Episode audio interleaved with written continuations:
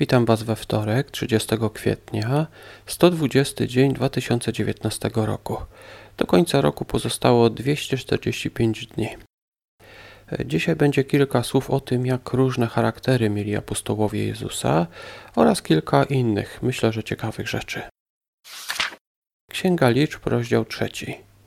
Mamy tutaj spis Lewitów oraz ich miejsce obozowania. Lewici byli wzięci też w zamian za pierworodnych. Zobaczmy liczb 3:29. Rodziny Kechatytów rozbijały namioty od strony południowej przybytku. Wczoraj czytaliśmy o Rubenitach, którzy też byli na południu od przybytku. A w księdze liczb, 16 rozdział, werset pierwszy, będziemy czytać o buncie Koracha z rodziny Kechatytów. E, Księga liczb 16:1 mówi tak: Korach, syn Istrara, syna Kehata, syna Lewiego oraz Datan i Abiram, synowie Eliaba i on, syn Peleta, syna Rubena. E, to, że Kehatyci i Rubenici zbuntowali się razem, myślę, że nie jest przypadkiem. Oni obozowali e, na południe, czyli był przybytek. Na południe od przybytku był obóz Kehatytów, którzy mieli strzec innych Izraelitów, żeby nie podeszli za blisko. I dalej jeszcze na południe od przybytku byli właśnie Rubenici. Oni później, właśnie będziemy o tym czytać w szesnastym rozdziale, razem się zbuntowali. Hioba, rozdział 6. E, Hiob odpowiada, że ganić można tylko jego słowa. Hioba, 6 rozdział, wersety 25 i 26. Ileż potęgi jest w słowach szczerych, a cóż pomoże wasze łajanie? Czyż chcecie ganić same słowa i mowy rozpaczy przez wiatr porwane? W rozpaczy ludzie mówią czasem rzeczy, których nie powiedzieliby normalnie. Nie jest to jednak dobry czas na karcenie ich. Czemu się nie powinno karcić takich ludzi, gdy mówią coś złego? Ludziom, którzy mówią coś złego, niepoprawnego, warto zwrócić uwagę, ale w tym wypadku mówimy o kimś, kto jest w rozpaczy. Gdy później mija ten ból, problemy i tak taka osoba znowu zaczyna myśleć logicznie i przestaje mówić rzeczy, które mówiła w czasie rozpaczy.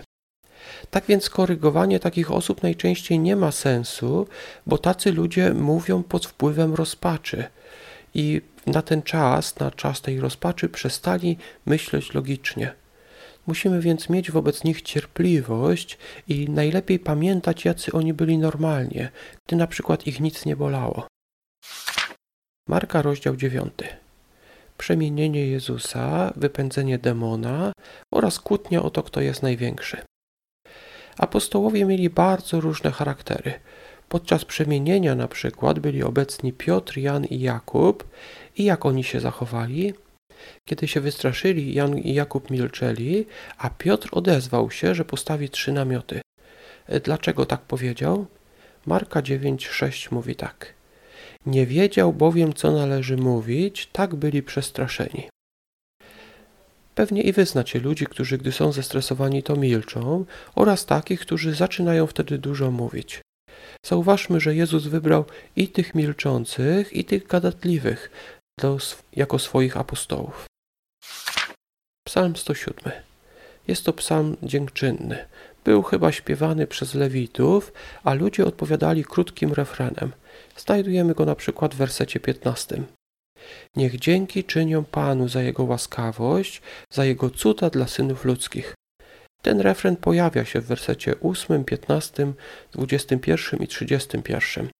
Także wydaje mi się, że lewici śpiewali tą główną część, czyli wymieniali różne rzeczy, za które należy Bogu dziękować, a ludzie odpowiadali tym krótkim refrenem.